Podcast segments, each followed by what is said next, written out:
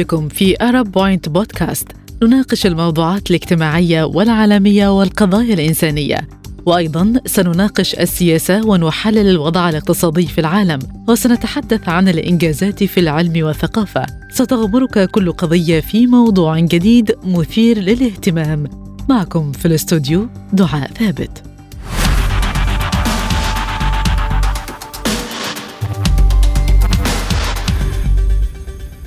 في السنوات الأخيرة بقينا نسمع عن روبوت بتقوم بأعمال الإنسان في مجالات مهمة ما كناش نتخيل إن الروبوتات تقدر تعملها في مجال الصحافة، التمريض، المحاماة. كمان شفنا الإنسان الآلي المذيع اللي بيقدم النشرات وبأكثر من لغة. فهل المذيع البشري مهدد أم يجب استبعاد تلك الفكرة؟ لأن الروبوت بلا مشاعر وما يقدرش يتفاعل. مؤخرا تم الإعلان عن أول محامي روبوت في العالم. من المفترض أنه يرفع قضية في المحكمة الشهر الجاي ويدافع المساعد القانوني للذكاء الاصطناعي عن متهم في قضية مخالفة مرور. وفي حالة خسارة القضية الشركة هتغطي أي غرامات.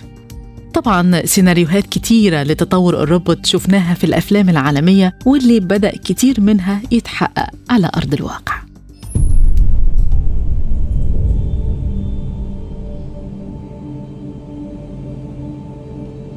For starters, what should I call you? I'm Chloe. And you, what's your name? Oh, uh, John. My name is John. Delighted to meet you, John. Could you tell us a little about yourself and what you can do, Chloe? Of course. I'm the first personal assistant built by CyberLife. I take care of most everyday tasks like cooking, housework, or managing your appointments, for example. Hmm. And I understand you're the first android to have passed the Turing test. Could you tell us a little more about that? I really didn't do much, you know. I just spoke with a few humans to see if they could tell the difference between me and a real person. But it was a really interesting experience. But this is the first time in history that man has created a machine more intelligent than himself. I gather your brain can perform several billion billion operations per second, is that right? Mm, absolutely, but I only exist thanks to the intelligence of the humans who designed me. And you know, they have something I could never have Really? And what's that? a soul. ما نقدرش ننكر إن الروبوتات من الاختراعات التكنولوجية الحديثة اللي حققت فوائد في الكثير من المهام اللي كان من الصعب إتمامها وإنهائها وتم تصميمها بشكل قريب جدا من تكوين جسم الإنسان عشان تحقق جميع الأدوار والوظائف اللي بيقوم بيها بالإضافة إلى الأمور اللي يصعب عليه أو يعجز عن أدائها. الروبوت بيسهل حياة البشر وبيوفر الوقت والجهد المبذول في أداء بعض المهام وبيقلل من الوقت الضايع والمهدور. بص بقى عم لذيذ بيني وبينك أنا ما كنتش عايز أقول لك بس يوسف كان متوتر منك جامد النهارده وما كانش عايز ياخدك. بس أنا قلت له لأ ده لذيذ ده هو المكسب. ده العشم برضه. أمال قعدت أقول له لذيذ هو اللي هيكسبنا وهو يقول لي لأ ده زومب هي المكسب زومب هي الربح زومب هي النقاط. سخنتني. حلو. عرفت هتنزل تعمل إيه؟ أجري. مش أي جري. أنا عايزك تاخد حارتك تاكل فيها النجيلة لحد آخرها. وعايزك تجري بأقصى سرعة عندك يا لذيذ. عايزك تسبق الروبوت التاني. زومبا؟ لسه بقول عليك ذكي. عايزك تكسب الروبوت التاني اللي لابس أخضر ده المعضل ده. سهلة؟ صعبة. يا حبيبتي والله العظيم ما صعبة. انت بس اعملي اللي عليكي وربنا هيكرمنا إن شاء الله. انت فاهمة المسابقة؟ لا. طيب يا حبيبتي الموضوع سهل وبسيط. لكن مع المزايا الكتير للروبوت إلا إنه أصبح بيهدد وظائف عديدة بيقوم بيها البشر حالياً. كمان في وظائف مهددة بالخطر في المستقبل زي الممرض والطيار. لكن أين حلت الروبوتات محل البشر؟ هنجد الروبوت في مهن زي إرسال البريد وتسخين الطعام المطبوخ مسبقا مبيعات الملابس توضيب الرفوف وإعادة عربات التسوق وقيادة الشاحنات. فتكنولوجيا مركبات التحكم الذاتي في تسارع مستمر وبتركز دلوقتي على سيارات الركاب والعمل في المختبرات كمان. في رأي آخر شايف إنه رغم اجتياح الروبوتات للعديد من الأعمال اللي كان بيقوم بها البشر بعد التطور التكنولوجي الواسع فإن بعض المهن والوظائف فضلت عصية على هذه الآلات وصمدت أمامها. وده بينفي فكرة حلول الروبوتات محل الإنسان في كل شيء بسبب طبيعة الوظائف وحاجتها لمزيج من الحدس البشري والعقلانية والتعاطف. ولأن من الصعب تلقين هذه الأحاسيس للذكاء الاصطناعي في مهن زي المعلم والرياض الرياضي فصحيح أن أجهزة الحاسب هتكون عام 2045 أكثر قوة بمقدار ألف مليون مرة من جميع أدمغة البشر اللي بيعيشوا على الأرض لكن لا يمكن تخيل فرق كرة القدم مكونة من روبوتات أو أولمبياد للروبوتات كمان السياسي القاضي الفنان وأكيد اختصاص الصحة العقلية. هيظل الروبوت بيشكل خطورة عند استخدامه أيضا في المجال العسكري لأن هذه الروبوتات قد تتخذ قرارات بالقتل وضرب الأهداف في حال تم تطويرها.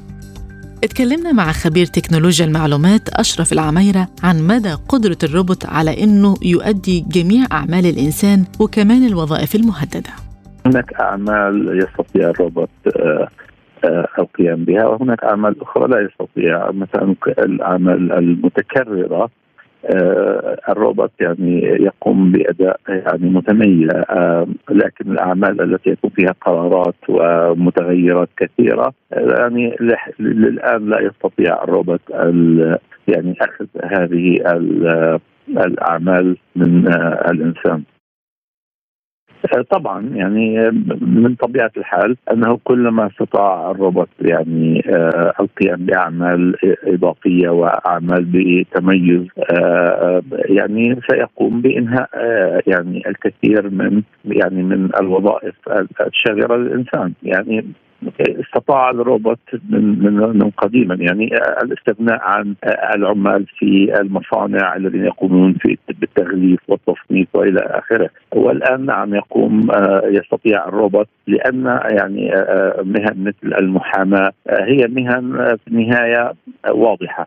هناك قوانين وهناك يعني حالات معينة ويستطيع الروبوت ببساطة أخذ يعني يعني استخدام هذه القوانين للوصول إلى نتائج واضحة. ف يعني من المتوقع أن يتم استخدام آه، يعني هذه الكفاءات للروبوت في البداية للمساعدة آه، على يعني القيام بمهام المحاماة مثلا. لكن في المستقبل نعم يعني آه، يمكن له أن يستبدل الإنسان بشكل كامل. في مهنه في مهنة مثل مهنة محاماة.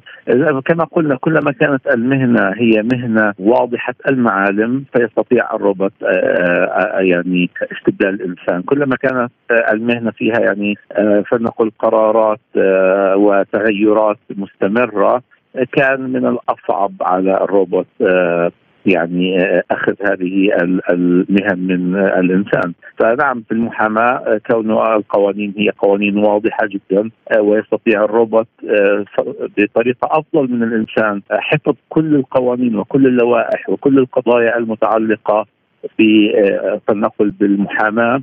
فيعني يستطيع الروبوت بوقت أقل وبكفاءة أعلى الاستخدام جميع هذه المعلومات آه، في حل قضايا أو في الدفاع عن شخص أو في آه، يعني آه، الوصول إلى حلول بطريقة أسرع، فنعم هناك خطر في المحاماة بشكل يعني خاص، أنا لا أتكلم عن جميع المهن كما قلنا المهن الإدارية هي شيء لا يستطيع الروبوت القيام بها، المهن التي تحتوي على القرارات لا يستطيع الروبوت القيام بها، ولكن هناك مهن مثل المحاماة ونعم الإذاعة هي يعني مهددة بال بال من, من الروبوت.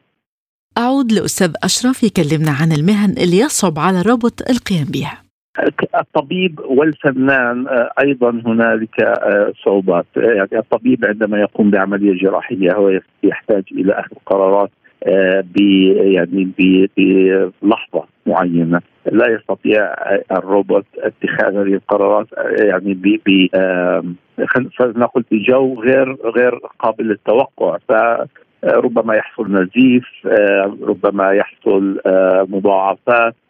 على الأقل في الوقت الراهن يعني هناك صعوبه شديدة في أن ياخذ الروبوت الدور الكامل للطبيب. بالنسبة للمعزوفات مثلا والموسيقى والفن بشكل عام مثل الرسم ف يعني توصلنا إلى إلى روبوتات وذكاء اصطناعي قادر على يعني إنشاء رسمات يستحيل لأي مختص أن يعرف بأن روبوت وليس إنسان هو من قام بها. وطبعا هذا يعني يدخلنا في دوامة يعني أخلاقية ما قيمة الفن الآن وماذا نفعل اذا إذا استخدم فنان الروبوت للقيام بالرسم ومن ثم عزى هذه الرسمات لنفسه؟ فكيف سنستطيع تمييز ذلك؟ آه، ونحن نتكلم عن رسمات عالمية ببساطة تعليم الروبوت آه، عن طريق تحليل كل رسمات مثلا شخص شهير والقيام بمثلها. فنحن أصلا هناك يعني الموسيقى والرسمات هي أمور آه، يستطيع الآن الروبوت القيام بها وهي يعني أعتقد ستفتح مشكلة أخلاقية في باب الفن. لكن مهن كما قلنا مثل الطب هي مهنة صعبة، هناك قرارات يجب أن تحصل في كل لحظة، لا يستطيع الروبوت التوقع المشاكل التي قد تحدث أثناء العملية الجراحيه، أعتقد أنه يعني في وقت قريب سيتمكن الروبوت من أخذ مكان الإنسان من من ناحية يعني مهن مثل الطب. أخيرا الحديث عن نسبة الخطأ عند استخدام الروبوت وتسببه في حوادث. حصل. يعني نحن نتكلم مثلا إذا إذا ناقشنا موضوع القيادة الذاتية حصل آه، هنالك يعني حالات عندما قامت مثلا أتذكر يعني سياره تسلا بالاصطدام بأحد المارين ويعني لا أعلم إذا مات أو لا لكن هناك خطورة وطبعا حدث هناك نقاش هل كان الخطأ خطأ الروبوت؟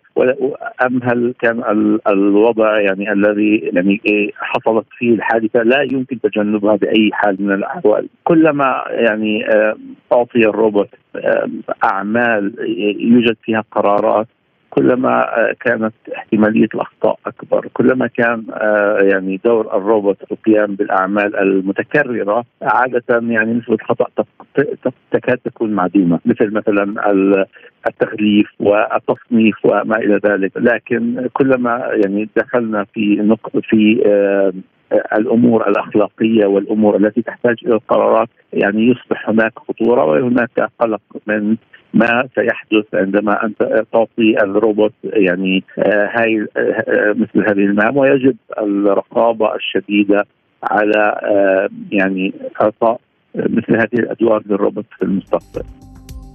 ما نقدرش نحدد لأي درجة هيوصل الذكاء الاصطناعي ومدى قدرته على منافسة البشر وإذا ما كان الإنسان هيظل مسيطر أمام آلة من اختراعهم في النهاية بشكركم مستمعينا الكرام وبشكر ضيفي خبير تكنولوجيا المعلومات الأستاذ أشرف العمايرة. وبكده خلصت حلقة اليوم من Arab Point بودكاست اشترك اعمل لايك واكتب تعليق.